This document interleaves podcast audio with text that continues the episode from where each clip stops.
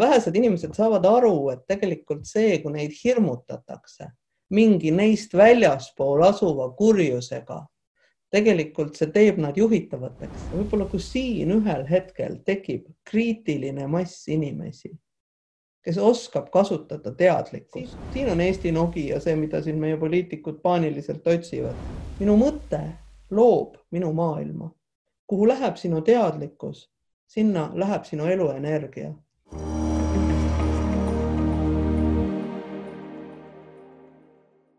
tere, armas sõber.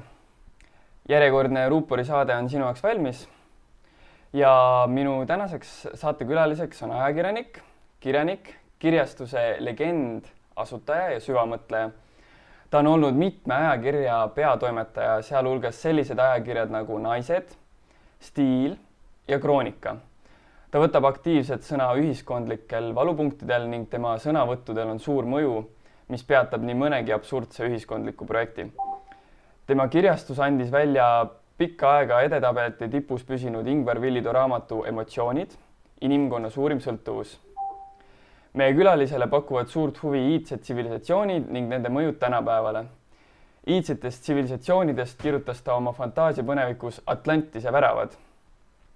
see talendikas, avara mõttemaailmaga ning kahe jalaga maa peal naine on Inga Raiter. tere, Inga! tere! Oli täitsa huvitav kuulata, kuidas sa mind näed ja kuidas sa mind iseloomustad selles mõttes. jah, tõepoolest, et äh, võib-olla mind viimasel ajal küll on tituleeritud äh, noh, pigem kirjastaja ja kirjanik, ajakirjanik olen ma diplomi järgi ehk siis, et noh, nagu elukutse, selle elukutsega ka palju maailma uurinud ja noh, kui sa oled sihuke uuriva vaimuga ja uurid ühiskonnaelu, siis noh, jõuda iidset, noh, kuidas öelda siis kaasaja uurimisest iidsete tsivilisatsioonideni, tegelikult see ei olegi nii, ma arvan, ootamatu või nii ebatavaline, sest need iidsed teadmised ja iidsed tsivilisatsioonid on meie kaasajaga seotud rohkem, kui me arvata oskame. jah, just sellest samast teemast äh, laiendades, et sa andsid aastal kaks tuhat kuusteist äh, oma varjunime alt äh, välja alternatiivajaloolise, jah, vot täpselt, fantaasiapõneviku Atlantise väravad. et äh, raamat algab smaragdtahvlit äh, pärit klausliga. tea, inimene, et sa oled kõikide asjade tipp. ainult su teadmine sellest on ununenud. väga sihuke tabav fraas, et raamat ise räägib kurjuse plaanidest muuta maa orjakolooniaks, kasutades selleks iidseid teadmisi ja tehnoloogiaid. seda, kas kurjuse plaanid õnnestuvad, saad lugeda raamatust Atlantise väravad. aga küsiks sinult, Inga, et äh, kus sul tekkis selline mõte kirjutada raamat Atlantise väravad? no vaata, see on noh, ma arvan, et äh, väga pikaks ei lähe, tegelikult see ei ole minu esimene alternatiivajalooline raamat, sa lihtsalt oled noorem inimene. minu esimene ra alternatiivajalooline raamat Elu võti ilmus kaks tuhat kümme ja siin ma uurin äh, iidse Egiptuse ja iidse Põhjala mütoloogia kokkupuutepunkte.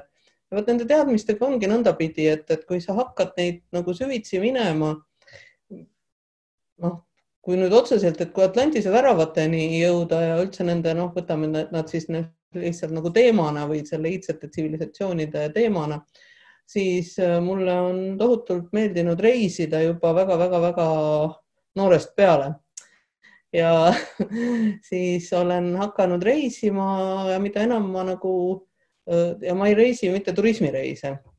ma reisin kohtadesse, minu sõbrad naeravad, et kui Inga kuhugi läheb, no siis see peab seal ikka mingi vana kivi olema, sa näed nagu selja taga on üks kaart, võib-olla ta ei paista siin väga välja, aga, aga selle kaardi peal on, selle kinkis mulle mu tütar, võimalik välja kraapida need riigid, kus sa nagu käinud oled ja põhimõtteliselt jah, ma olen käinud just sellistes riikides, mis on äh, seotud nende iidsete tsivilisatsioonidega, sest et ega meil väga palju teavet nende kohta noh, nagu pole, me, arv, me arvame, meie praegune ajalugu räägib sellest, millest on alles kirjalikud allikad.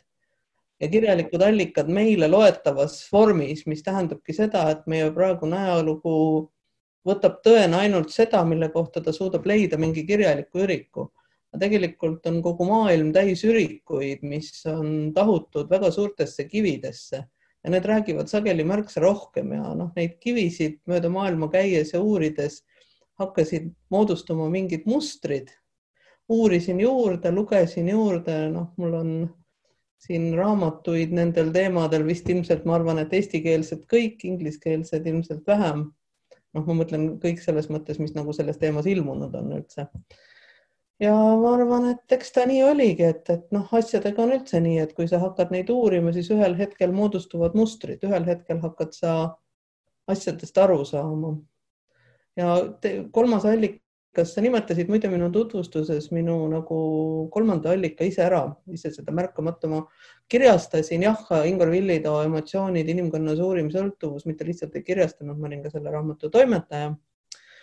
Ja tegelikult ongi nii, et neid samu iidseid teadmisi uurides, tõsi küll, noh, natuke teistmoodi kui mina, jogalikest lähtepunktidest lähtuvalt on ka Ingvar Villida oma teadmised kokku pannud, need, millega ta praegu seda raamatut Emotsioonid muide võiks öelda, on praeguseks Eesti jaoks müüdud üsna rekordarv, üle kaheteist tuhande eksemplari, mis tähendab seda, et, et see on miski, mis inimestele läheb korda ja ilmselt sinu teemad ka, noh, kui sa räägid inimestest, kes mõtlevad natuke kastist välja või veidi avaramalt, et siis Ingvar õpetab inimesi just seda, sedasama õpetabki, millega algab Atlantise väravad ehk siis seesama tsitaat Otis tahvlitelt, mis sa lugesid.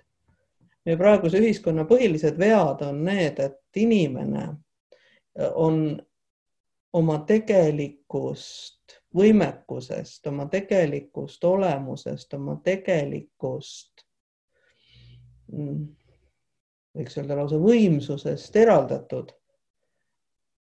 ja selle tõttu on maailmas kurjus kui ma kunagi Atlantise väravaid alustasin, ma kirjutasin neid muide, noh, ka seda esimest raamatut kirjutasin, Atlantise väravate raamatut umbes kolm aastat. just nimelt sellepärast, et see oli minu jaoks hästi põnev uurimus.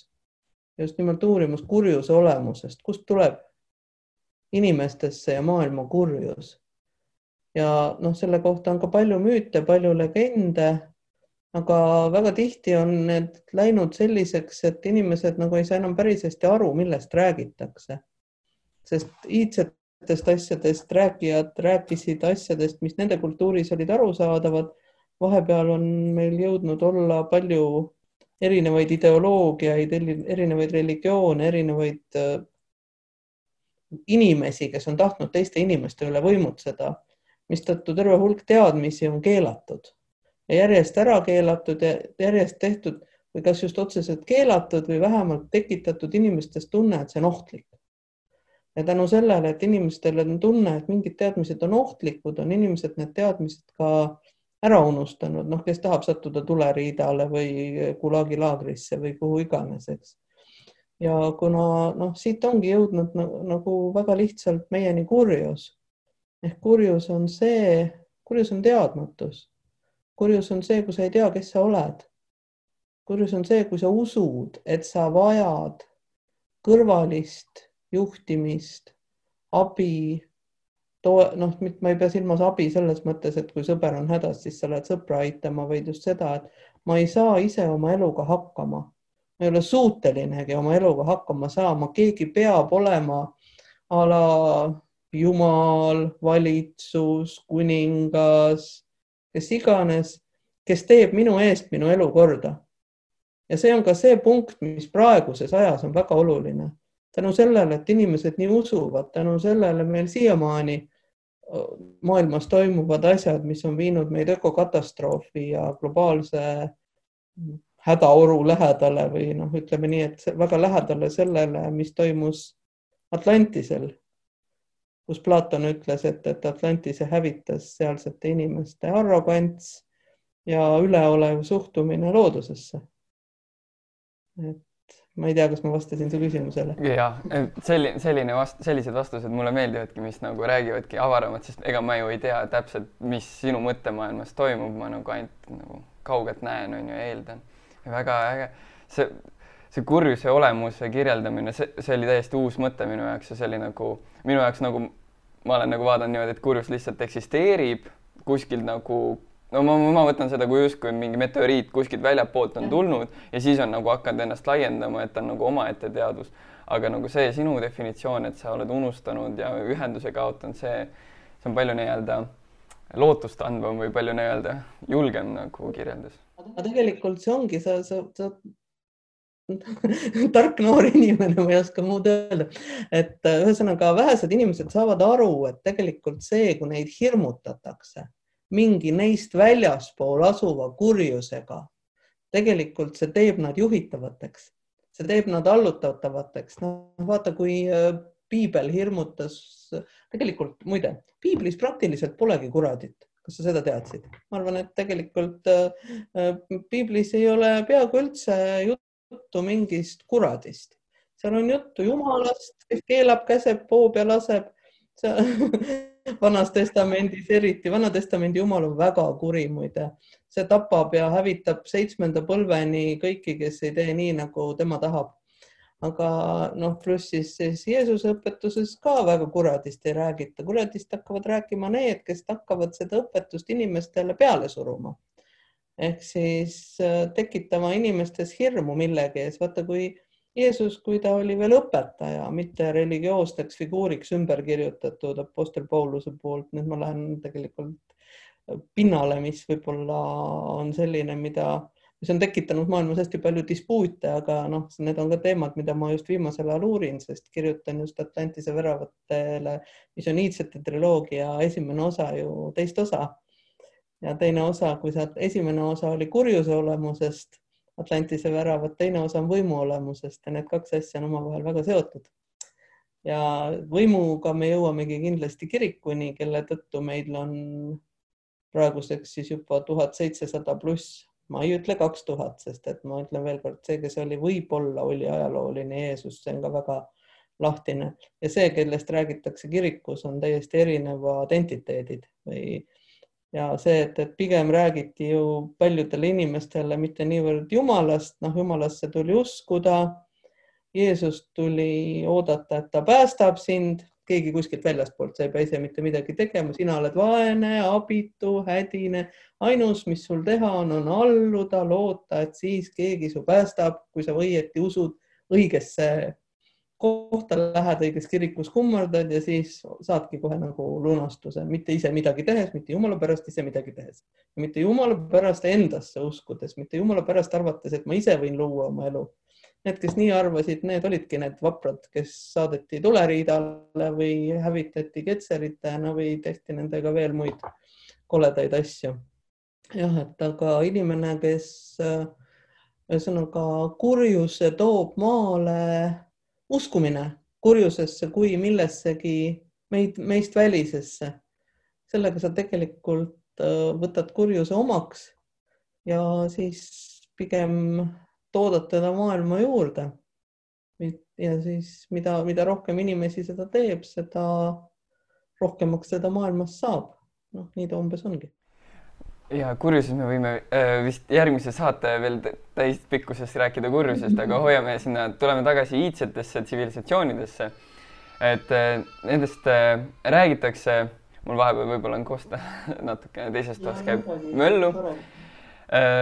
erinevates kanalites räägitakse iidsetest tsivilisatsioonidest, noh, Gaia tv-st olen mina näinud, History Channeli pealt ma tean, puudutatakse neid püramiidide teemat ja puudutatakse äh, kes Stone Age ja no kõiki neid nii-öelda menukamaid iidseid asju.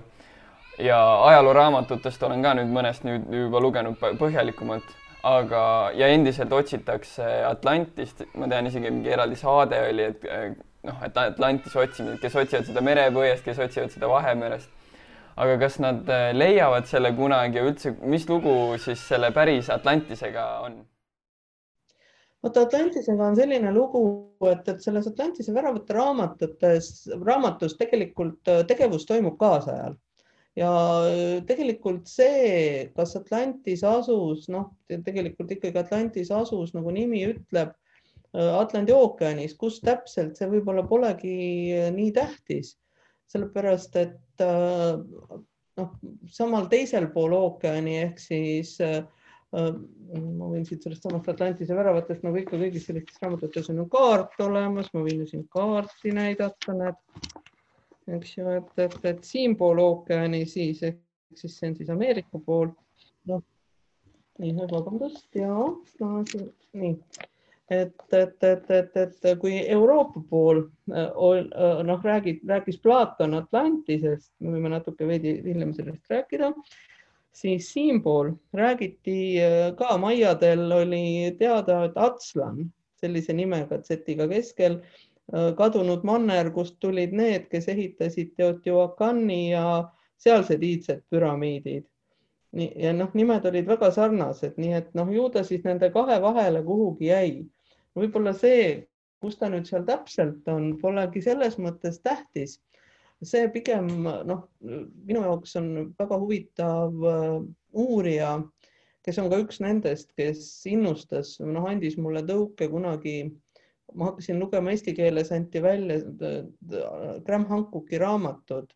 Äh, ja Graham Hancock on üks nendest, kelle, kelle raamatuid lugedes hakkas minus tekkima soov hakata iseseisvalt reisima mööda neid iidseid erinevaid mälestisi ja mida rohkem ma kõigepealt, kõigepealt lugesin, siis reisisin, siis lugesin veel, siis reisisin veel, seda noh, suuremaks see huvi ja seos, seosed läksid, nagu ma ütlesin, ma olen nüüdseks juba ka Graham Hancockiga isiklikult kohtunud ilmselt ainsa eestlasena käinud Londonis üle kahe aasta toimuval konverentsil Origins ehk siis päritolu, kus käivad sellised alternatiivajaloo uurijad üle kogu maailma. ja viimasel, kus me käisime nüüd aasta tagasi, sellel ma ei käinud, sellepärast et oh, mingit, ütleme nii, et isiklikel põhjustel.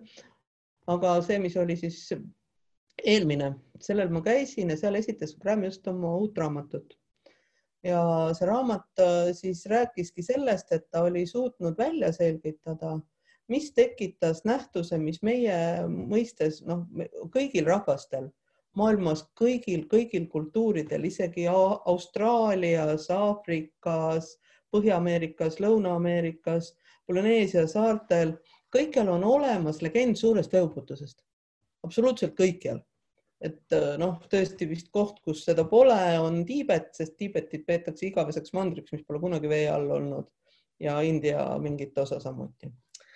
Et aga kõigil ülejäänud kohtadel on see veeuputus üle käinud ja seda järelikult on olnud ikka parajalt suur. mis tähendab seda, et, et Graham leidis üles selle koha äh, Kanada põhjaosas ja koos geoloogidega käis ta siis seal uurimas Kanada põhjaosas on olnud jääaja, me kõik teame, et viimane jääaeg, mis kattis ka Eestit, oli meil siis kaksteist tuhat aastat tagasi. Ja ta lõppes ähm, kuskil üheksa tuhat kuussada enne meie aega mingi hästi suure kataklüsmiga, mis tekitaski siis selle nii-öelda suure veeuputuse. kusjuures ta ka algas kaks tuhat aastat enne seda algas väga suure kataklüsmiga, mis tekitas selle jääaja, me kõik mäletame ju koolist seda, kuidas mammut suri sekundiga mälumatu rohi suus, eks ju. Ja mis nad nüüd välja Siberi igiketsast sulavad siiamaani need sellised suht värsked mammutid, mida siis kohalikud hõimud pidasid ju lausa mingiteks maa-alusteks olenditeks, sest nad sulasid välja noh, nii-öelda nagu meil sügavkülmust võetud värske liha, noh, ei taha küüniline olla. aga, aga no umbes nii no igal juhul Graham leidis üles, et äh, just seesama üheksa tuhat kuussada umbes enne meie aega äh, tabas Põhja-Kanada ülaosas asuvat hiigelsuurt jääaja liustikku mingite kosmiliste kehade. ta arvas, et tegu on meteoriidisajuga mingist, noh, vaata maal on aeg-ajalt on perseiidid ja siis on need äh, noh, need teised eri leoniidid on veel ja on, on need meteoriidisajud, mida me vaatleme ja näeme, kui hästi palju näiteks augusti öösel kukub taevast tähti alla. nüüdki alles oli ju perseiidide sadu ja noh, et, et nagu, et kunagi on nad olnud võib-olla maa, kui maa läbib seda asteroidide vööd lähemalt, et on nad olnud lähemal ja siis need, need taevakeha, no see on grammi hüpotees, mida ma praegu kirjeldan, selle füüsiline tulem on see, et mingid tulised kehad tabasid neid liustikke väga järsku, liustikud surasid praktiliselt hetkedega, aga jutt on liustikest, mille kõrgus on umbes nelisada meetrit. noh, kujutame ette no, pilvelõhkuja kõrgused, eks. ja siis kogu see veemassiiv, esiteks kokkupõrge.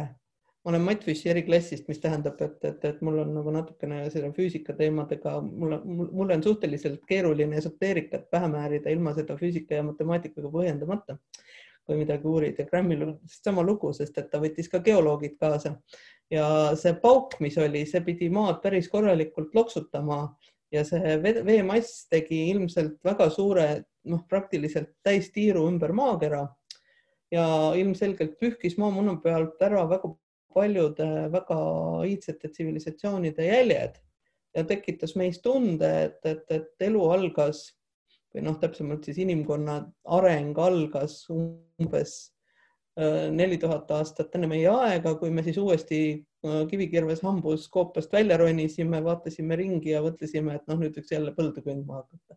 no ma utreerin, eks ju, aga et noh, ühesõnaga tegelikult, kui maast on üle käinud selline kataklüsm, mis on hävitanud tohutul hulgal noh, tassinud Eestit ju, kui Eestis noh, kui me kujutame ette, et näiteks oletame, Lennart Meri ju minu jaoks väga ka üks nendest, Lennart Meri muide on minu eluvõtme moto on Lennart Merilt, sest et, et see eluvõti, see, tema, see sai alguse natuke hõbevalge teemade, ka sarnaste teemade uurimisest, eks ju. ja siis see tähendab, et Lennart Meri on ju ka öelnud, et, et, et Eesti võib olla hüperborea asukoht ehk siis ka ühe iidse tsivilisatsiooni asukoht ja me ei saa seda siiamaani tõestada, sellepärast et meie peal lasus äh, mingi paar tuhat pluss aastat lasus meie peal noh, nii-öelda samuti mingi superministeeriumi kõrgune jääkiht. Ja kui see ära sulas, siis võis see laiali tassida, oli seal all, mis seal iganes oli. Pärast seda noh, võib-olla tõesti needsamad meie rändrahnud, mil, millest Eesti rahvas on alati väga lugu pidanud, need lohukivid, mille lohkude tekket me ei tea. Kes ütleb, et nad ei ole samasuguste megaliitmüüride äh, kivid, mis näiteks on Saksamanis äh, Lõuna-Ameerikas. ma arvan, et sa oled näinud neid müüride pilte, mis seal mm -hmm. on, eks. perfektne. ja noh, põhimõtteliselt ongi, et seesama suur veeuputus noh, mille ole, noh, mõju ja põhjus ja kõik, noh, põhjus, okei okay,, ütleme nii, et need nii-öelda kuumad meteoriidid, noh, kõlab väga loogiliselt, aga noh, loomulikult seda ei saa praegu tagasi vaadates öelda, aga see, et, et seal on meteoriidikraatri tüüpi kraatrid ehk siis midagi on sinna paiskunud, see miski on olnud kuum ja see miski on sulatanud hetkega suured jäämassid, mis on tekitanud suure uputuse, on nüüdseks juba nagu teaduslikult tõestatud tõsiasi. Ja seega, et selle alla jäi mingi saarte kompleks Atlantise äh, nimeks siis ühte, ühelt poolt äh, meie poolt vaadates ja siis Atslan sealt Ameerika poolt vaadates. et noh, see, kus ta jah siis täpselt asus, seda võib-olla tulevikus leitakse, võib-olla mitte, me ei leia isegi, me ei leia isegi meil rohkem silma all olevaid asju, nii et, et kui jah, nii palju aega ja met, vett on üle käinud, siis merepõhjas on ju samuti hoovused, on taimestik, on rõhk, nii et noh, jah, kas sealt midagi kunagi kive leitakse, mis me või, või mida sealt kindlasti ei leita, paberile kirjutatud käsikirju, mis on meie praeguse ajakirja, noh, nii-öelda ajaloo aluseks, ma arvan. Nendest veeuputustest on, ma olen nagu ma ei ole sellesse teemasse süvenenud, aga räägitakse ka veel veeuputusest, et nagu ka nendest vanematest olen kuulnud rääkivat seesama, mis sa kirjeldad, see kümme tuhat aastat tagasi. Aga veel hilisemast räägitakse mingist äh, suurest mingist, ma ei tea, see on mingi, see on segu mingist uputusest ja tormist või mudavoolust, mis on toimunud. aa, sa pead silmas seda Musta mere ja, ja, ja, ja ma tean küll, millest sa räägid. sa räägid sellest, millest räägivad piibliuurijad piibliuurijad püüavad tõestada ära sedasama Noa laeva lugu ja noh, nemad nagu ongi uskvad, nemad püüavad seda tõestada ära faktiga. tähendab, täpsemalt on siis niiviisi, et vot ajaloos on sageli noh, nagu kõigis teistes teadustes on nii, et, et äh, teadlane püstitab hüpoteesi ja kõike seda, mida ta siis nagu näeb, püüab ta sobitada oma hüpoteesi külge, mitte vastupidi noh, see on ka näiteks see, sa mainisid ka enne, et sa vaatad mingeid dokumentaale ja asju. Noh, mina ka vaatan, History Channel on mul noh, üks väheseid telekanaleid üldse, mida ma vaatan ja siis noh, kunagi oli selline ta, ta jooksis minu arust, History Channel eid on kaks tükki, üks on Viasat History ja teine on lihtsalt History. et äh, sellelt History Channelilt jooksis kunagi niisugune sari nagu Ancient Aliens, äh, noh, iidsed tulnukad ja seal ma vaatasin seda, aga mina seda hüpoteesi ei toeta. mind huvitas see sari ainult sellepärast, et nad leidsid hästi palju iidseid kohti ja artefakte, mis ei vasta kaasaja arheoloog, noh, kaasaja ajaloo kontseptsioonile, noh, sa nagu needsamad saksuamannid, püramiidid, megaliitrajatised, eks, aga nemad kõik seostavad seda mingite tulnukatega, kes olla kunagi käinud, olla teinud, olla ära läinud ja pärast seda ei tea neist keegi mitte midagi. Noh, mis tegelikult on, ütleksime siis nii, et meie tekkeloo otste noh, lihtsalt natuke keerulisemalt vette viimine, kui ta siiamaani on.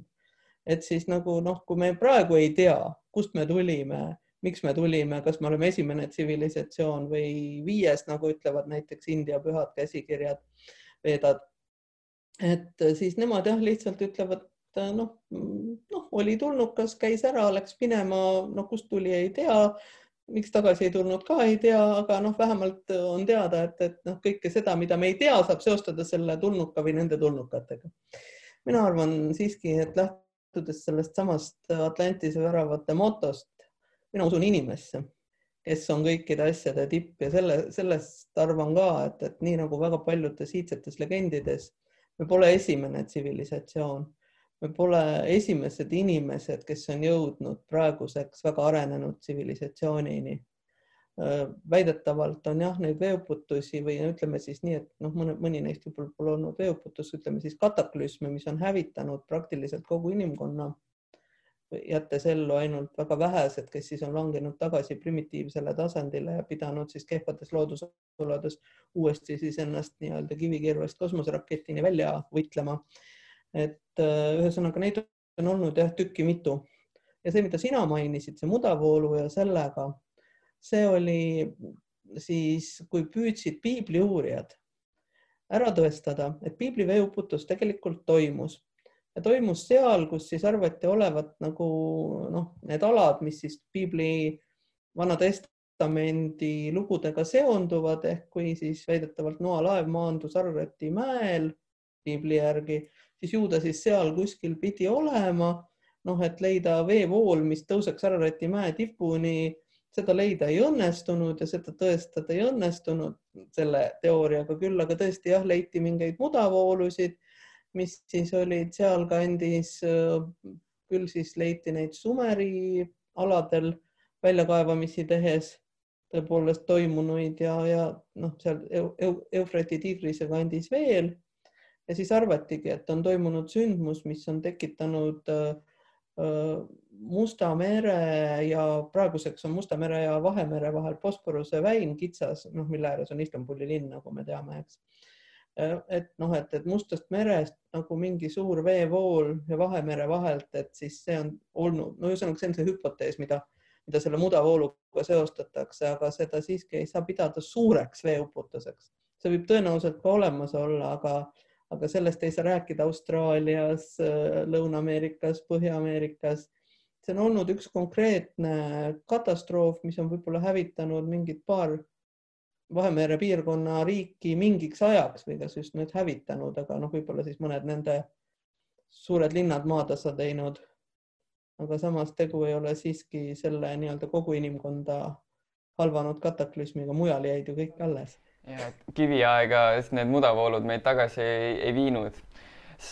väga hästi räägid, mulle jäi kõlama nagu see, see, see, et need lood, mida me räägime nii-öelda noh, just siis see History Channeli ja Ancient, Ancient Aliensile viidates, et see on nagu vastutuse äraandmine, et ah, mingi noh, tulnukas on süüdi või noh, et vot, et, et, et see, see on süüdi, no iga, igalt poolt väljaspoolt on süüdi, et me ei jõua nagu tagasi sinna, et nagu, et me ise peame nagu jälle võtma kätte ja pingutama ja nagu looma, noh ma arvan, et need lood ongi hästi olulised ja see võib-olla me jõuame veel sinna ka, et kuidas iidsed tsivilisatsioonid ja kuidas need lood mõjutavad meie tänapäeva. ja mul tuli tegelikult niisugune küsimus selle, kui me rääkisime selle Eufrati tigrise ja seda, selle ala kohta, et kas sa tead ka äh, sellest rääkida, et need sõjapiirkonnad, need sõjapiirkond, ma olen tähele pannud, on väga sellised kohad, kus on ka nagu nii-öelda väljakaevamistööd või iidsed äh, no absoluutselt. Atlantise väravates, Atlantise väravates on sellest muidu juttu, ma saadan sulle selle raamatu, siis võime võib-olla pärast edasi rääkida.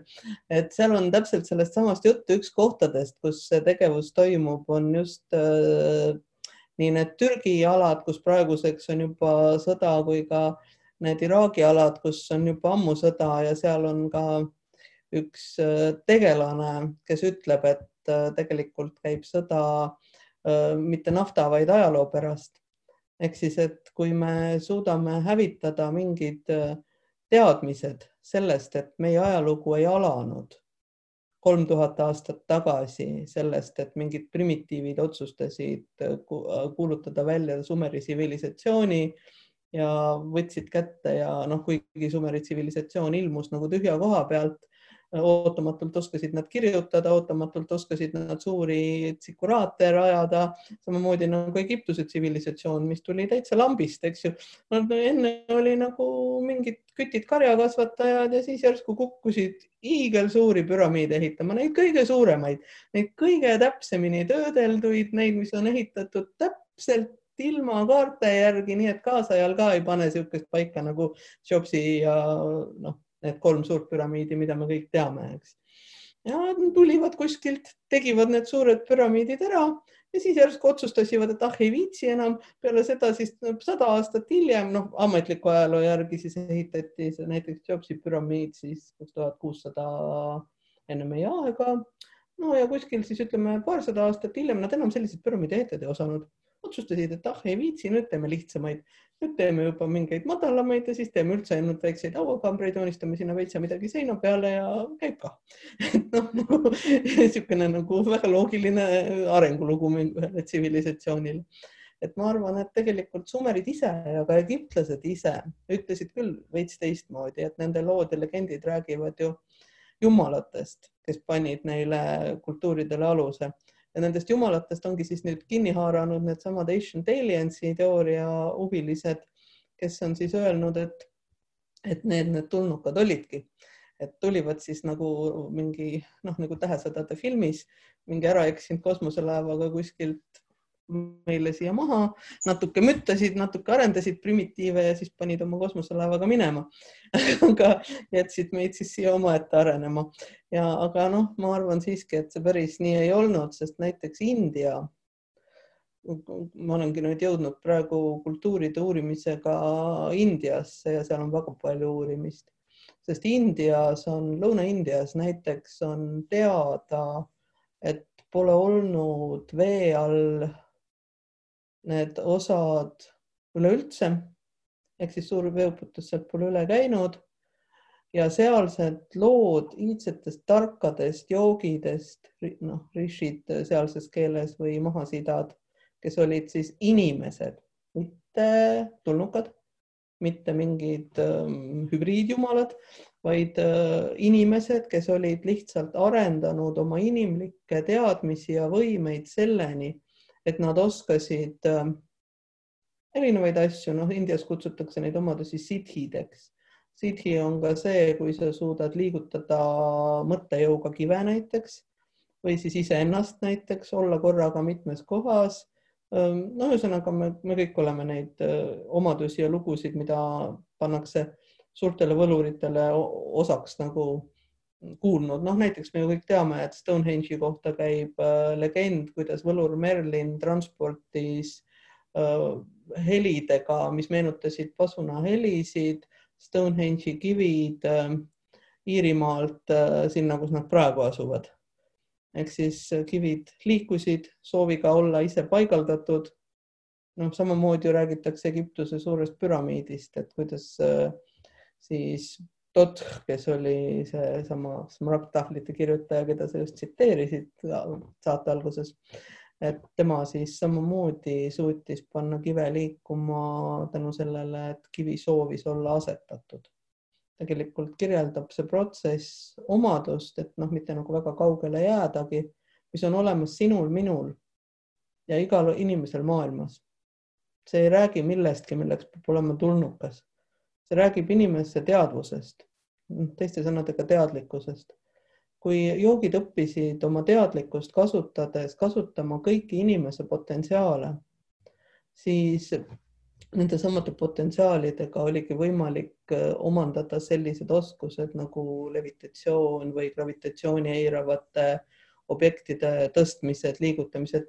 sellest muide on Tiibetis praegugi mingi, ma arvan, sadakond aastat tagasi, praegu nüüd vaevalt, praegu on Tiibet Hiina poolt okupeeritud, aga, aga muide jälle täpselt sama, mis sa Iraagi kohta ütlesid, et mis neil hiinlastel seda Tiibetit nii hädasti vaja oli. no ei olnud ju sealt miskit eriti võtta, naftat pole ja, ja midagi nagu muud väga väärtuslikku ka pole.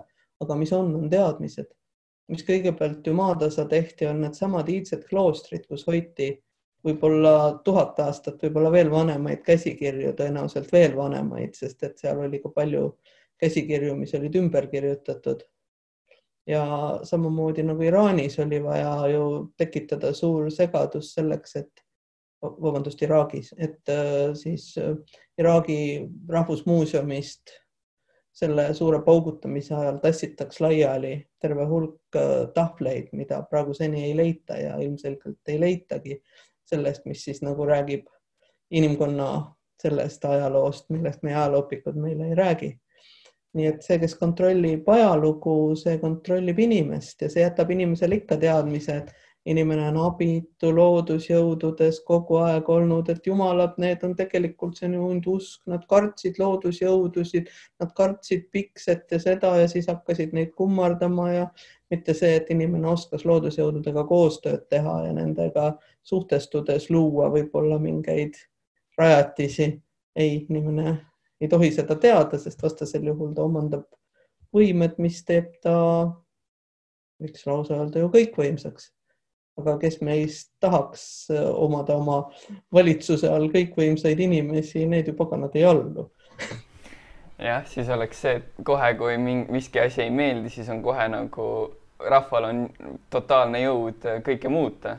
Praegu, praegu on ju justkui nii-öelda võimupositsioon on tänu noh, relvad ja jõud on nagu kuskil mingi süsteemi käes on ju, et see julge... ja mitte ainult relvad, tead, mis on kõige suurem relv? kõige suurem relv info esiteks ja teiseks on see, et kõige suurem relv on äh, see relv, mis suudab inimest panna ise tegema asju, mis on nendel võimuolijatele kasulik. Ehk siis nagu selle kohta keegi kunagi ütles, mis teeb lammastest lambakoerad teiste lammaste jaoks. et ühesõnaga see on see, et inimene ise pannakse uskuma ja need on siis kaks asja, seesama, me jõudsime juba ükskord mainida seda Ingolillide emotsioonide raamatut.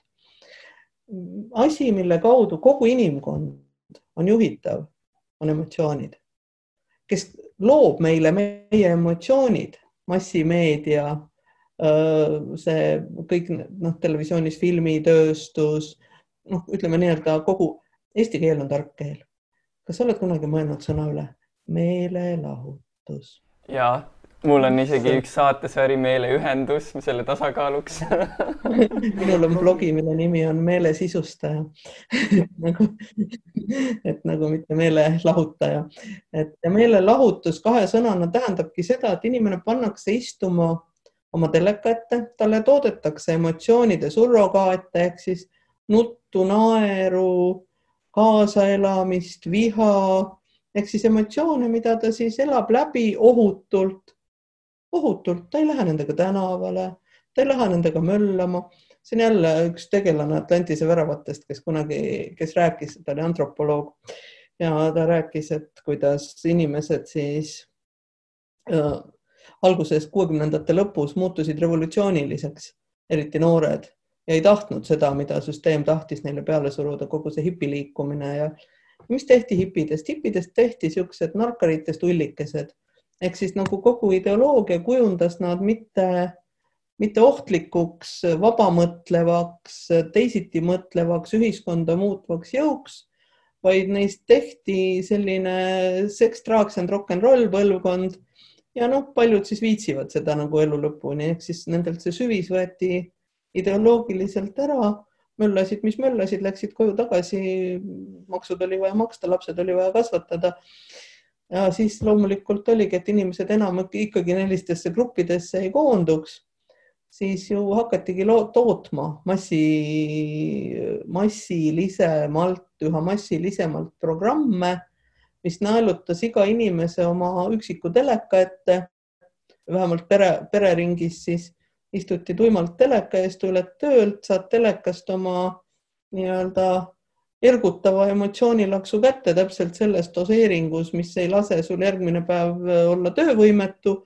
noh, küll aga samas ka nagu ei hoia, no ei, ei hoia sind nagu päris letargias, et sa nagu noh, kuna inimene siiski robot ei ole ja selline ja siis, kui aeg veel edasi läks ja see tele, televisioon nagu piisav ei olnud, sest ikkagi tekkisid, et noh, mõned inimesed panid teleka kinni ja said omavahel kokku ja rääkisid ikkagi millestki, eks ju.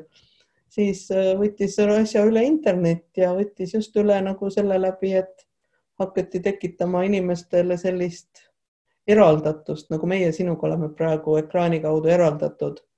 üha enam tekkis üksikuid inimesi, kelle ainus aken maailma oligi seesama aken, mille kaudu meie praegu üksteisele otsa vaatame ja selle tõttu noh, muidugi jälle loomulikult igas süsteemis on augud ja ka internetis said tekkida mingid kommuunid ja kogunemised ja asjad, et noh, mingid ideed ikka levisid. praeguses hetkes ma võin öelda, et, et neid iidseid salateadmisi praegu internet on täis.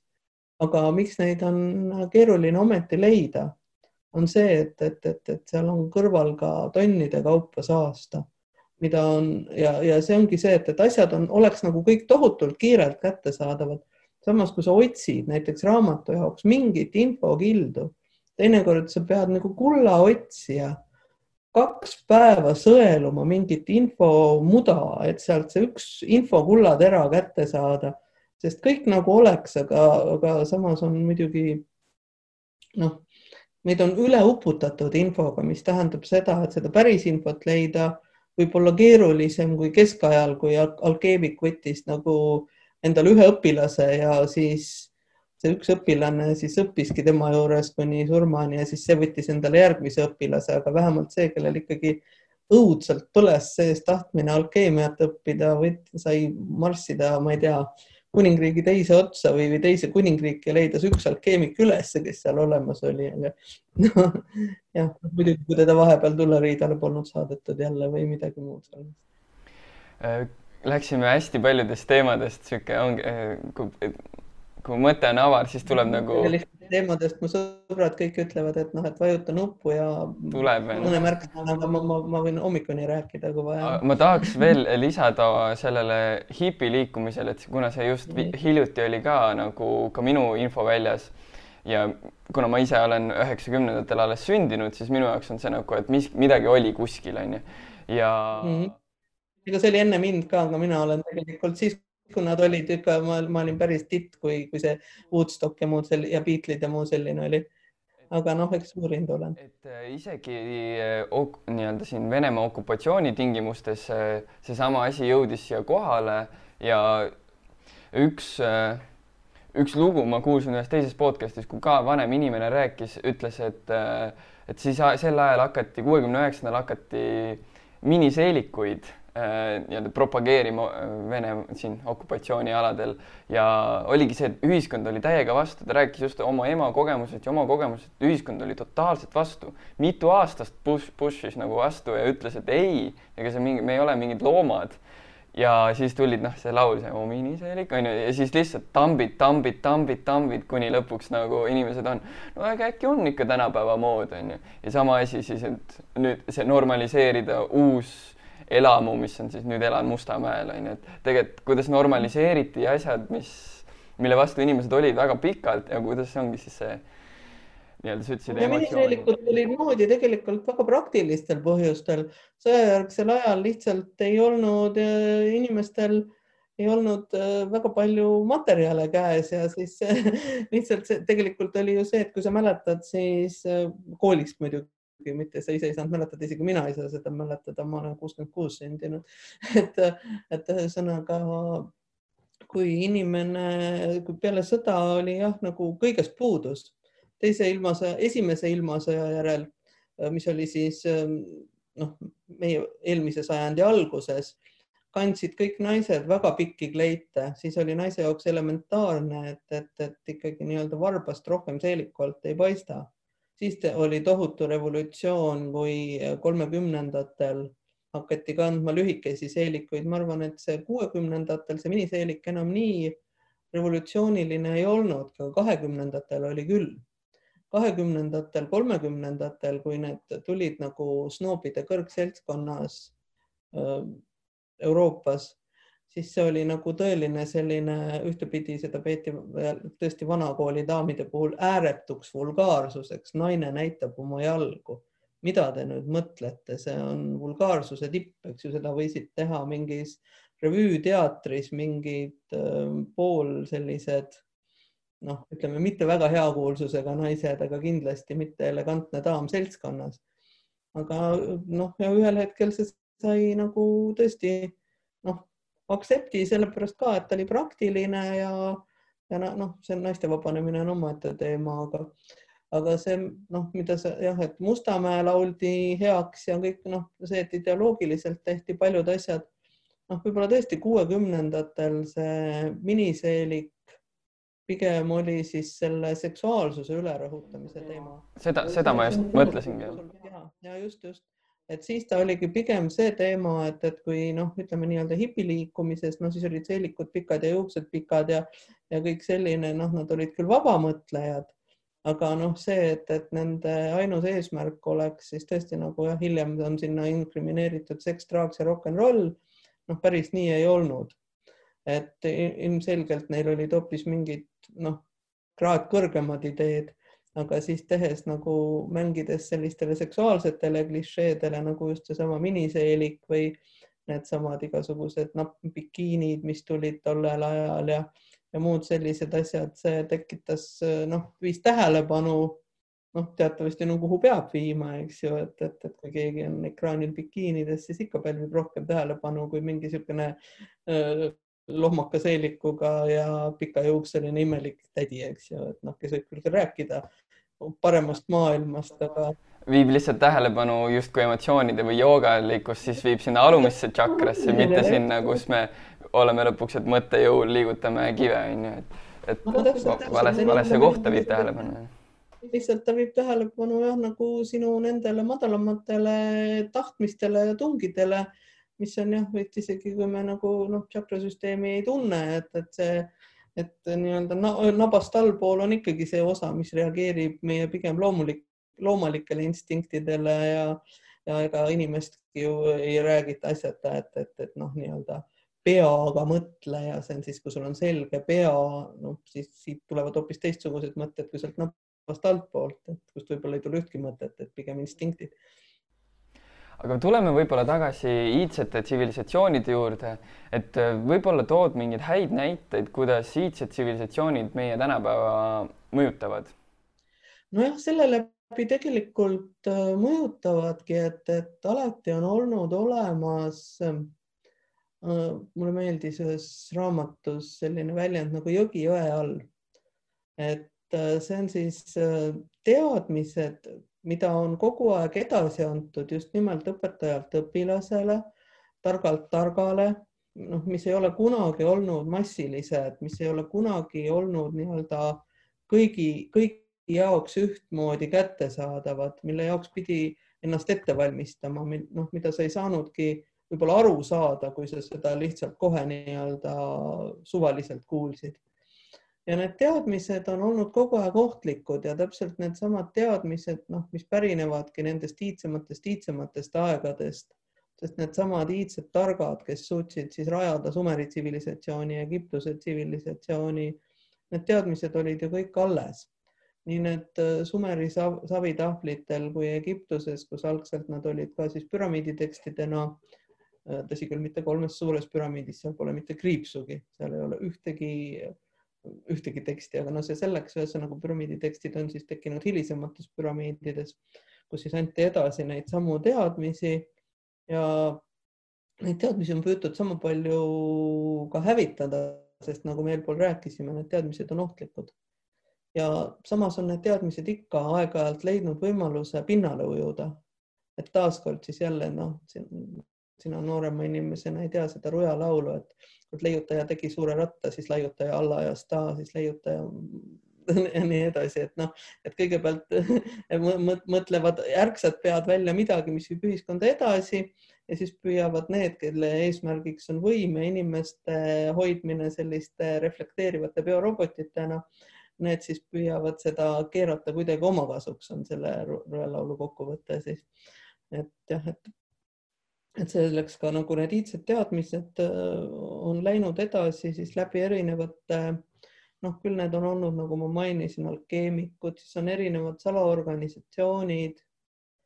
noh, me kõik oleme tänu Dan Brownile kuulnud midagi Illuminaatidest, eks ju, midagi vabamüürlastest, äh, noh, millestki võib-olla veel, et need erinevad salaorganisatsioonid on andnud neid samu teadmisi edasi, aga siis juba mingi mingi valikulisuse printsiibil ja siis jälle taaskord selle leiutaja ja laiutaja laulu mõttes, et ka paljud nendest organisatsioonidest on muutunud hiljem mingiteks lihtsalt kohviklubideks või, või, või asjadeks, mis tegelikult ei ole olnud nende algne eesmärk, ehk siis keegi on jälle nende teadmiste üle võimu võtnud, siis on kõrvale tekkinud mingi järgmine kas liikumine või see jõgi jõe all pole ikkagi kunagi lõpuni otsa saanud ja praeguseks ma arvan, et seesama raamat Emotsioonid, inimkonna suurim sõltuvus on minu panus sellesse jõkke jõe all.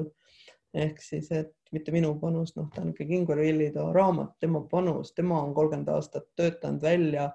ma väidan, et äh, meie praeguse ühiskonna jaoks revolutsioonilisi teadmisi, mis just toovad needsamad iidsed tarkused, sest need pärinevadki nendelt India iidsetelt mahasidadelt, sidadelt, kes siis olid need mehed, kes kive liigutasid ja ise, ise, ise lendasid, kui vaja oli.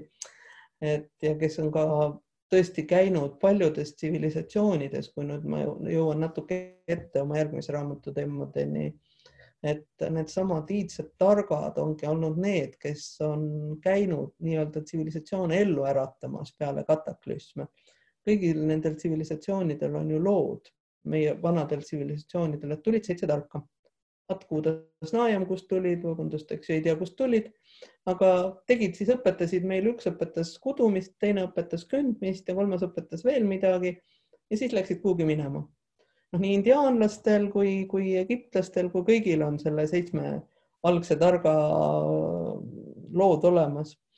Ja tõenäoliselt need seitse tarka võisid täitsa olemas olla, päris, päris olemasolevate inimestena, mitte tulnukate või mingite astraalolenditena, vaid just nendesamade joogalike teadmistega iidsete inimestena. aga inimestena, kes olid siis endas välja arendanud kõik inimlikud võimed, mida me siis praegu võiksime pidada nii-öelda ülivõimeteks tegelikult lihtsalt igal inimesel, kui sa ennast niiviisi teadlikult arendad, kättesaadavad võimed see, miks me praegu sinuga ei leviteeri, on lihtsalt sellepärast, et me neid tehnikaid ei ole õppinud ja, ja ka vajal, vajalikul intensiivsusel praktiseerinud. see ei ole mingi voodoo-krepp ja parajura, vaid öö, äh, oskus, mida noh, mis on olemas potentsiaalina igas inimeses. kui talle ainult õpetada seda endas välja arendama ja vot Ingvar Villid on see mees, kes õpetab praegusele aja inimesele, ilma et sa peaksid olema koopajoogi või kuskil jalad risti Himaalajates mediteerima, kaasaja praktilisele inimesele, kuidas iseendast vabastada see, mis hoiab sind selle emotsiooni tootmismasina kütkes ja tuua sinust välja need potentsiaalid, mis teevad sinust inimese, nii nagu see Tothis Marktahvlitel kirjas oli ja mina siis katsun sellel protsessil oma oskustega abiks olla kui kirjanik ja kirjastaja. ja selle tõttu ma ka neist iidsetest tsivilisatsioonidest räägin, selle tõttu ma neid uurin ja selle tõttu ma neist kirjutan, et need teadmised inimesel temast endast jõuaksid inimesteni üha rohkem pean võtma siis Ingvar Villitoo emotsioonid uuesti, mul on see riiulis tegelikult olemas, aga lihtsalt kuna see aeg ei olnud ilmselt õige, ta on küllaltki nagu selline võõrast kirjutamisstiil, ras-, raske lugeda on seda, et see nagu. ei ole jutu, sellepärast et ta on pigem selline, ta on raske lugeda sellepärast, et, et meid on õpetatud teistmoodi. ta on paradigmaatiliselt erinevat mõtlemist ülalhoidev raamat. aga kui sind on lapsest saati õpetatud nägema maailma ühtmoodi, siis näha teda teistmoodi alguses ongi raske. See on täiesti loomulik, see juhtub, ma arvan, üheksakümne protsendi selle raamatu lugejatega. et algul see tundub neile võõras, raske ja imelik. lihtsalt sellepärast, et noh, aastasadu on meid õpetatud maailma nägema teistmoodi. ja nüüd, kui üks tuleb, hakkab seletama, et, et noh, vaata, seda asja peaksid sa vaatama nii või mõistma nii, siis loomulikult see on alguses võõras ja kõik võõras on raske, isegi Eesti rahva vanasõna ütleb ju, et tuntud teatud kõvertee on hõlpsam käia kui tundmata teadmata sirgetee. et aga Inga, millal see temaatika, kogu see iidse-tsivilisatsioonid ja emotsioonid Ingvar Villitoolt, et millal see jõuab ametlikku kooli ajalukku, et mina oleks seda gümnaasiumis küll hea meelega kuulanud? vaata, no sellesse ametlikku kooli ajalukku, ma arvan, ei jõua ta mitte kunagi. sel lihtsal põhjusel, et, et, et meie praegune teadmine ei oma võimalust sellisele infole ligipääsu, me tegelikult äh, oleme ammu juba olukorras, kus me vajame paradigma muutust. Ehk siis äh, paradigmaatiliselt uut mõistmist ennekõike inimesest endast, just sellest, millest Ingvar Villido räägib, ehk siis mida ta õpetab inimese enda loomusest, tema tegelikest potentsiaalidest, tema tegelikust võimekusest, sellest, mida iidsed tsivilisatsioonid teadsid sellest, millega iidsed tsivilisatsioonid rajasidki oma iidseid ja väga võimsaid monumente ja suutsid tehnoloogiliselt saavutada asju, mis võib-olla meile pole päris kättesaadavadki, kuigi me enda arvates oleme tehnoloogiline kõrgtsivilisatsioon. et äh, selles suhtes ma arvan, et äh, me asume praegu väga põnevas ajahetkes. me asume hetkes, kus äh, toimub, võiks öelda, inimsuse revolutsioon ja nagu ikka, kuna kõik revolutsioonid on alati ka võiks öelda konfliktsed situatsioonid, sellepärast et vana ei anna ju võimu käest. miks ta peaks? tal on ju hea olla, tal on ju, ta on ju harjunud sellega, et ta ekspluateerib kõiki loodusvarasid. süsteem on, elab sellel, et, et me tea, majandus on iidol, mis peab kasvama, ükskõik noh, ka see, kui me sööme õunaussidena ise selle maakera seest tühjaks, mille peal me elame, eks ju. ei, me ei saa muuta mõtet, et majandus peab kasvama, me ei saa muuta seda mõtteks, et inimene võiks suuta ise luua seda, mida ta vajab. ei, inimene peab jääma endiselt sõltuvaks tarbijaks ta peab olema see, keda saab müüa läbi emotsioonide noh, mida iganes, nii seda, et ta peaks tööd tegema nende surrogaatesemete nimel, mida ta tahab, kui ka mm, noh, neid asju siis ühesõnaga nii tööd nende asjade heaks kui ka neid asju, see on ju tegelikult jube kaval. kas, et, et me teame kõik, et me peame tööd tegema, me peame tööd tegema, me peame mitte lihtsalt tööd tegema, me peame minema kuhugi tööle. miks? sellepärast, et muidu me ei saa endale eluks vajalikku me ei saa endale eluks vajalikku, mida, me ei saa minna kaubamajja ja osta seda, teist ja kolmandat, oot-oot-oot-oot-oot-oot-oot, mm, kas me seda tegelikult vajame, kas igapäevaselt on, on meil seda üldse tarvis, eks ju. ühesõnaga, kuni inimene jääb sellesse samasse mõtteviisi, kus ta on abitu keegi peab talle andma tema igapäevase leiva, kõik need asjad ja pluss kogu selle mõttetu nänni ka, millega ta oma planeeti hävitab, mille tootmise ja tarbimisega ta on viinud äh, meie maakera ökokatastroofi servale. kuni inimene niiviisi edasi mõtleb, siis me noh, kooliõpikutesse see teave ei jõua ja ega me noh, pole ka enam õpikuid ilmselt, sest et siis varsti seda noh, võib-olla veeuputust ei tule, aga aga mingi teistlaadne kataklüsm, noh, ilmselgelt on vääramatu, sest et juba viiskümmend aastat tagasi ütles äh, Erich Fromm, ka üks suuri mõtlejaid, kes ühendas ida ja lääne teadmisi, et esimest korda maailma ajaloos mm, inimese püsimajäämine sõltub tema mõtteviisi muutusest. kas me viimased viiskümmend aastat oleme midagi oma mõtteviisis muutnud? ega vist suurt pole ikka on loodud meile üha enam ja enam üha intensiivsemaid ja intensiivsemaid meelelahutuskanaleid. meid on üha enam võõrandatud, meist on tehtud juba need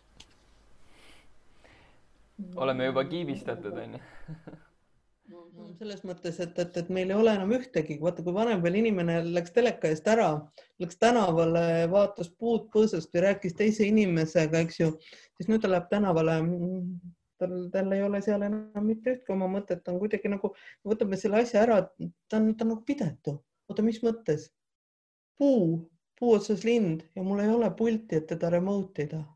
oot, oot, oot, oot, oot, täitsa jama ju, inimesed on kõik filmid, vaata filme filmides mets, loodus, see on ohtlik, see on kardetav, õudukates roomavad puude alt mingid, ma ei tea, kes välja ja, ja mets on muudetud selliseks nagu koledaks, ohtlikuks kohaks. noh, ikkagi kõige turvalisem koht on sul sinu enda ekraani ees, kus sul on remote nupp ja, ja sa saad noh, maailma lülitada selliseks, nagu sa tahad. see, aga noh, muidugi selle kõige eest tuleb maksta see, et sa seal olla saaksid, noh, siis sa peadki tegema midagi ja siis jälle omakorda tarbima midagi. Ja see on tehtud sulle läbi selle süsteemi nagu võimalikult lihtsaks. koolideni jõudmiseks, et vastata su küsimusele, peame me alustama sellest kõige elementaarsemast, me peame õppima. praegu püüti viia sedasama grupp noori õpetajaid, väga hakkajad naised, püüdsid sedasama Ingor Villide emotsioonide vabastamisele rajanevat õpetust, mis vabastab inimesest teda väljastpoolt täda mõjutavad soovimatud emotsioonid, annab su enda kätte võtme, ehk siis see põhinebki sel samal teadlikkusel, millest me ka eelnevalt põgusalt rääkisime. Ja annab sinule nii-öelda võtme sinu elu juhtimiseks, sinu enda kätte, teeb sinust ohtliku inimese. viia koolidesse, mis pihta hakkas. Pihta hakkas tohutu meediarünnak, hakkas pihta noh, asi, mis on paljude nii-öelda uudsete ja revolutsiooniliste ideedega välja tulnud inimestega juhtunud. noh, ma siiski loodan, et see jõuab koolidesse, sest üha enam vanemaid, kes õpib sedasama meetodit kasutama, soovib seda õpetada ka oma lastele. aga noh, nüüd on meil siis lihtsalt jookseme ajaga võidu praegu et kuna maailm, nagu ma ükskord ühes oma kirjutises lippab nagu see gnu-kari, oled näinud Lõvikuninga multikat vähemalt, kui mitte mingit Discovery loodusdokki, et kui anna sellele gnu-karjale mingi hirmuimpulss, nad kukuvad ajama ja noh, siis kui nad kalju, kalju peale jõuavad, ega nad pidama ei jää, nad panevad sealt kaljust alla ja kukuvad surnuks.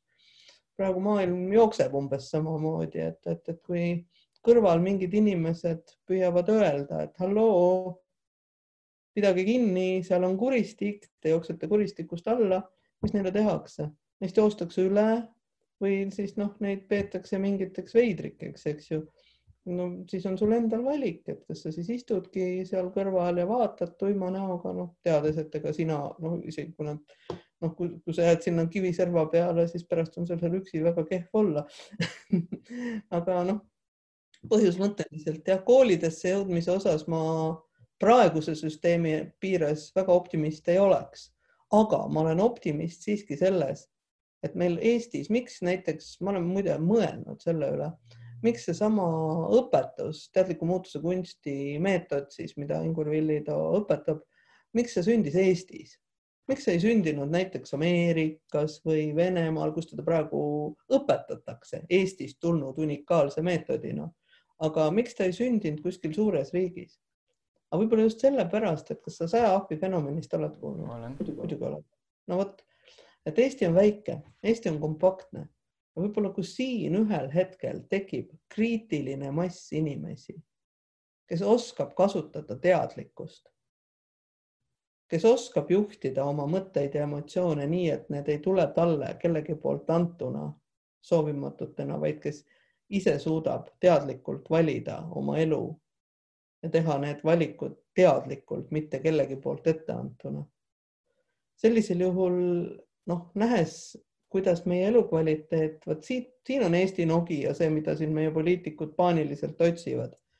ehk siis see on see koht, millega Eesti võib tulevikus ollagi maailma nii-öelda breaking point või, või see koht, kust see revolutsioon läheb kogu maailma aga see on nüüd inimeste käes, et see, kas me valime selle noh, nii-öelda kuuleka emotsioneerimise või õpime iseenda elu juhtima ja teadlikeks. saab näha. me, see, see eel, eelmine saade ei ole sel ajal, kui me seda lindistame, ei ole välja tulnud, aga ma, me mainisime ka sellest, sellest temaatikast äh, mis ma nüüd räägin, et see in, in, innovatsiooni difusiooni teooria, mis on see, et meil on vaja seda algset impulssi, neid nii-öelda hullukesi. Ja kui sinna minna selle, selle ühe koma nelja või ühe koma viie protsendi sisse, kes on siis need, kes tutvustavad varajastele adopteerijatele, kuidas üldse areng ja innovatsioon toimub, kui sinna sisse minna, siis ma olen kuulnud sellist teooriat, ma ei tea nimetust, kelle, kellele see pärineb, aga et ruutjuur ühest protsendist teatud siis maa-ala kohta või teatud rahvuse või grupi kohta läheb vaja nii-öelda inimesi või noh, üldse võib-olla ka muud kehandid, aga me räägime praegu inimestest, et teha äh, täielik muutus, täielik muutus selles süsteemis ja ruutjuur ühest protsendist Eestis on umbes sada kümme inimest. meil on vaja umbes sada inimest, aga see on, see tähendab sajaprotsendilist muutust, see tähendab, et nad hingavad. siis meil on muutus ammu käes sellel on meil see muutus ammu käes, sellepärast et, et. aeg, aeg nii-öelda, ta küll ta siis materialiseeruvad need asjad, mis on. et päris kindlasti tänaseks juba ma just huvitaval kombel rääkisin, kuna noh, ka kirjastajana on toimetanud praegu Ingolfi Liidu järgmist raamatut, mis on juba paradigmaatiliselt järgmine, see võib-olla tuleb järgmisel aastal välja, samal ajal ka kirjutan enda teist raamatut, aga aga jah, see, et, et teadliku muutuse kunstikursuseid on praeguseks minu teada Eestis läbinud üle viie tuhande inimese.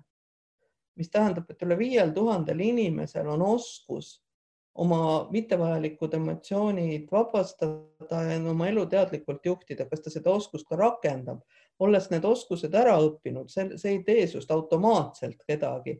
see on samamoodi noh, et kui sulle anda nagu tööriist ja õpetada seda kasutama, siis sa võid teda ka mitte kasutada. Ja siis noh, sellisel juhul sa lihtsalt ei oma seda, mis sa selle tööriistaga teha saaksid.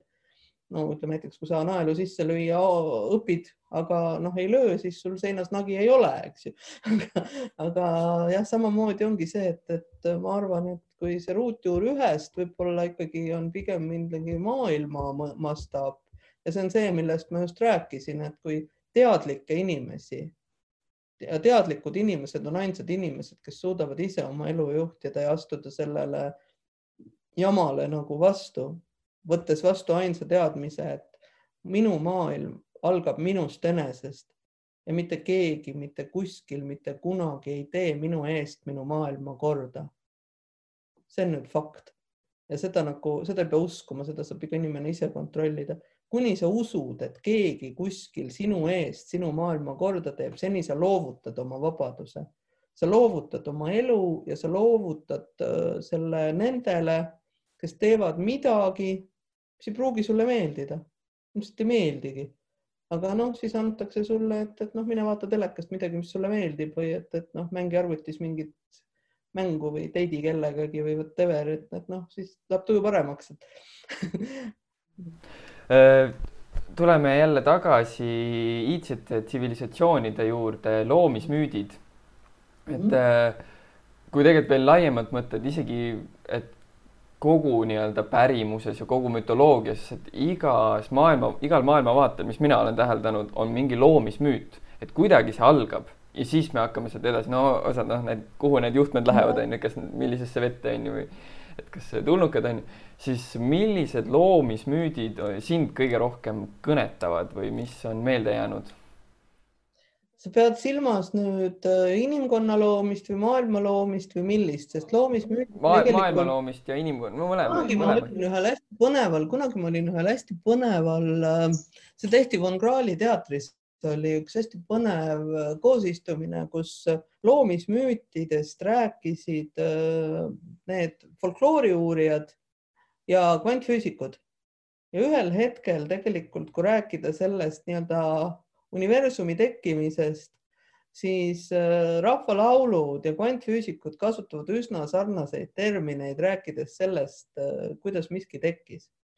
ja enamasti kõigil rahvastel, see on samamoodi nagu kõigil rahvastel on olemas teatavad jumalused.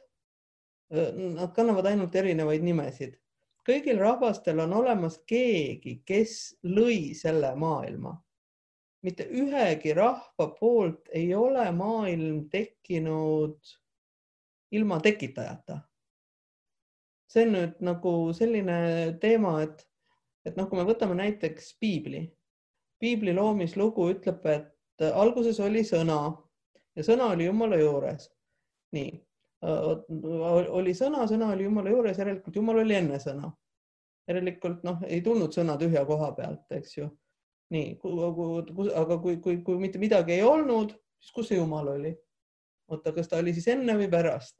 noh, siin me läheme nagu sellele hästi haprale jääle ja tegelikult see habras jää on jällegi seotud iidsete teadmistega, mida teadsid juba ka needsamad muistsed targad ja joogid ehk siis, et äh, nii nagu sina oled aistev ja teadlik ja äh, maailma hoomav olend, nii on ka maailm aistev.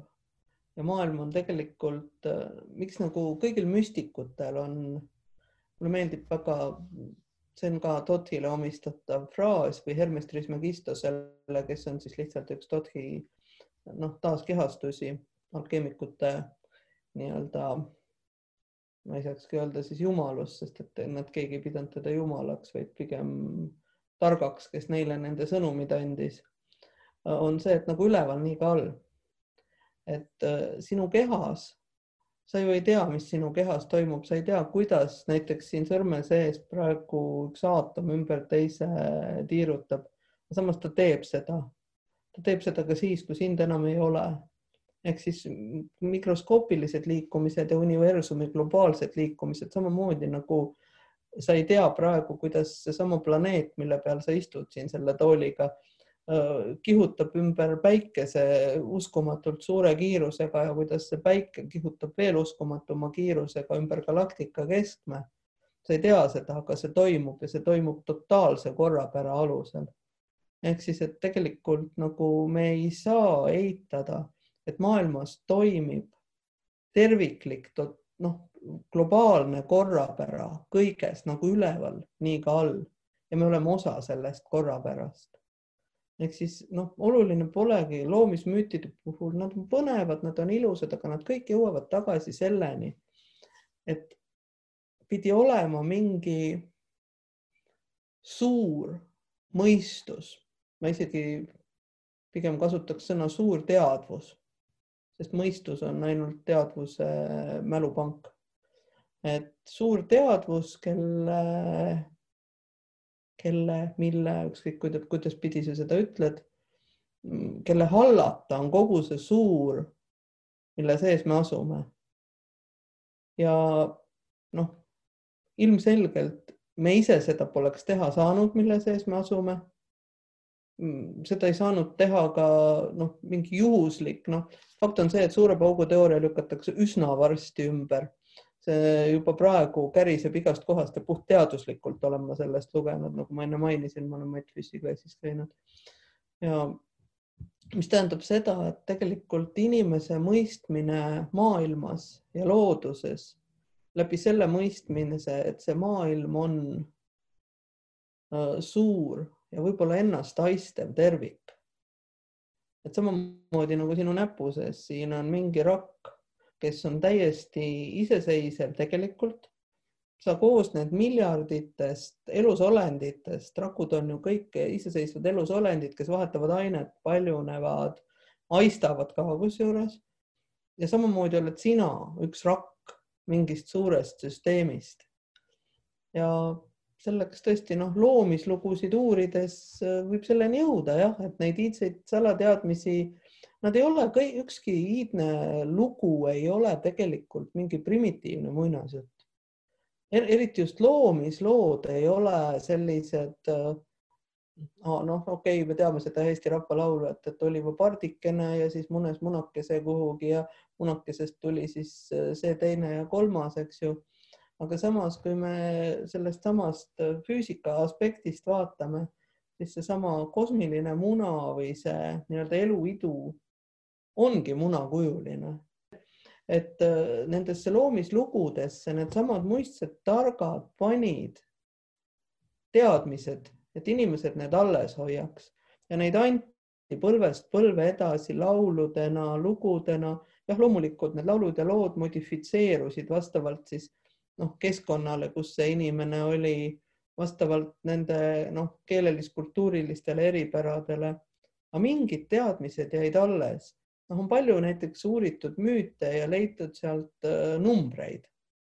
mingid numbrid käivad, noh, seitse venda näiteks, seitse surmapattu, kõik, mis asjad, eks ju, noh, mingid numbrid käivad läbi lugude ja tegelikult, kui uurima hakates, need numbrid on loodusseaduse mõistmisel võtmetähtsusega. Ja nendest numbritest sõltub midagi, et inimestel nad meeles oleks, et nad, on neid kuulnud, need on kuidagi erilised ja, ja ma olen kuulnud. noh, tegelikult läbi nende samade müütide ja legendide antaksegi neid samu iidseid teadmisi edasi. ainult meil on vahepeal tulnud läbi nii palju filtreid ja noh, põhi, kõige põhilisem filter, mis ikkagi nagu inimestele on antud, on see, et ah, need iidsed olid primitiivid. Nad ju ei teadnud midagi, nad ju noh, nii-öelda kummardasid seal, ma ei tea, mingeid loodusjumalaid ja noh, lihtsalt sellepärast, et nad, et see ei osanud nagu suurt muud teha ja lihvisid kividega suuri kaljupanku, sest neil ei olnud muud teha. see oli muide üks naljakamaid lugusid, mida mulle räägiti Lihavõtte saarel.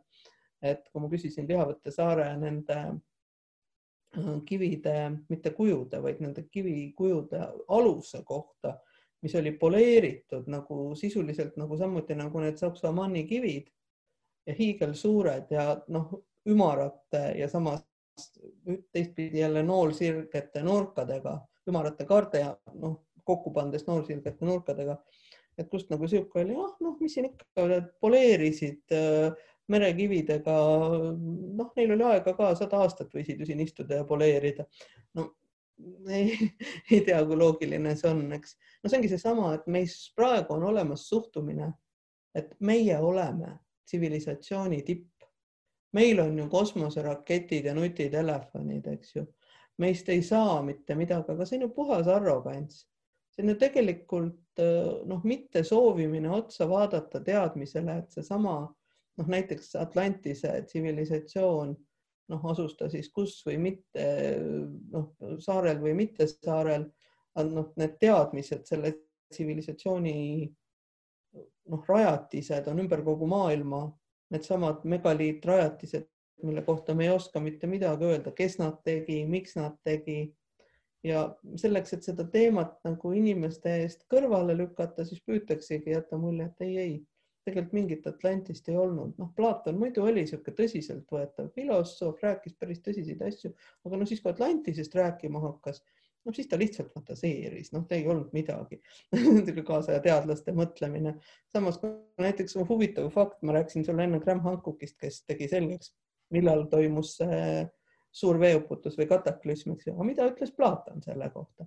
Platon meil elas teatavasti kuskil õige pisut enne meie aega, ma nüüd ei oska sulle une pealt äh, numbreid öelda. aga Platon ütles, et selle loo rääkis talle Soolon, üks teine suur Kreeka mõtleja, kes kuulis seda Egiptuse tarkadelt, kus ta õppimas käis, Egiptuse templitest, noh, siis loo Atlantisest ja Atlantis hukkus äh, üheksa tuhat aastat enne Soolonit ja muuhulgas Sooloni eluaastad on teada. Sooloni eluaast-, äh, eluaastad olid kuus, kuussada enne meie aega, liidame üheksa tuhat ja kuussada, saame üheksa tuhat kuussada enne meie aega. Ehk täpselt see, mis geo, geoloogilised näitajad näitavad selle suure veeuputuse ajaks, noh, millega siis seostati ka Atlantise hukkumist. Nii et ei võtnud see Platon päris fantaasia pealt midagi, et, et enamasti suht tõsiseltvõetavad teadlased. hakkame vaikselt äh, otsi kokku tõmbama ja lõpetuseks küsin ma oma saatekülalistelt sellise lahtise otsaga küsimuse, mis võib viia ükskõik kuhu.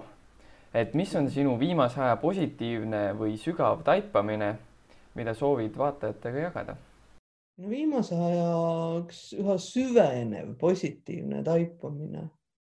ja see tõepoolest ei ole mitte nii, et see tuli mulle just praegu, on kogu aeg see, et mida enam me suudame võtta oma elu juhtimist enda kätte, seda paremaks läheb. inimesed, ärge kartke, ärge kartke seda, et, et kui te noh, minult on ka küsitud, et jumal hoidku, no kas, kas, kas, kas, kas nagu tõesti ei plaanigi enam kuskile nagu tööle minna või, või noh, et, et nagu jumal hoidku, et, et kas, kas sa nagu noh, ja vaata, sa olid kunagi tähtis peatoimetaja, eks ju, et et noh, nagu lihtsalt olla kodus ja, ja, ja kirjutada mingit asja, millest võib-olla ma ei tea, võib-olla, võib-olla ei saagi populaarseks, võib-olla, võib-olla unustataksegi ära, et kas nagu ühesõnaga, see on seesama suhtumine, inimesed, teie oma mõtete ja uskumustega kirjutate oma elu. kui ma mõtlen, minu mõte loob minu maailma, kuhu läheb sinu teadlikkus, sinna läheb sinu eluenergia. Kui minu teadlikkus läheb mõttele, mis räägib, kuidas ma hakkama ei saa, kuidas ma ei suuda, kuidas ma ei oska siis täpselt sellega ma oma elu selliseks loongi. see ei ole jälle taaskord mingi voodoo crap ja parajura, see ei ole esoteerika, see on puhas äh, loogiliselt toimiv, noh, võiks öelda füüsikaseadus.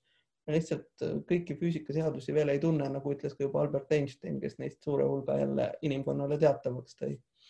et ühesõnaga me teeme ise oma elu ja nii nagu me teda tahame, selliseks me saame teda teha. see on täiesti võimalik. see võib-olla ongi see taipamine. ja sellisel positiivsel noodil see saade lõpetada on väga tore. aitäh sulle, Inga, saatesse tulemast ma loodan, et kuulajal oli ka põnev seda kuulata. aitäh sulle seda saadet tegemast, see oli minu jaoks ka vahva kogemus ja hästi tore on näha, et, et kaasaegne tehnoloogia annab võimaluse mitte ainult inimeste meelt lahutada, vaid ka tõepoolest meelt sisustada ja anda võimalusi saada teadmisi, mida võib-olla muidu peaks tikutulega taga otsima. noh, kui mina olen vaeva näinud äh, paarkümmend aastat nende teadmiste tagaajamisega, siis ehk oli kellelgi kasu nad nüüd praegu sinu saatest üles leida. täpselt punktide ühendamine, punktid on olemas, ühendame punktid ja te tegeleme meelelahutuse asemel meeleühendusega. ja teiega kohtume peagi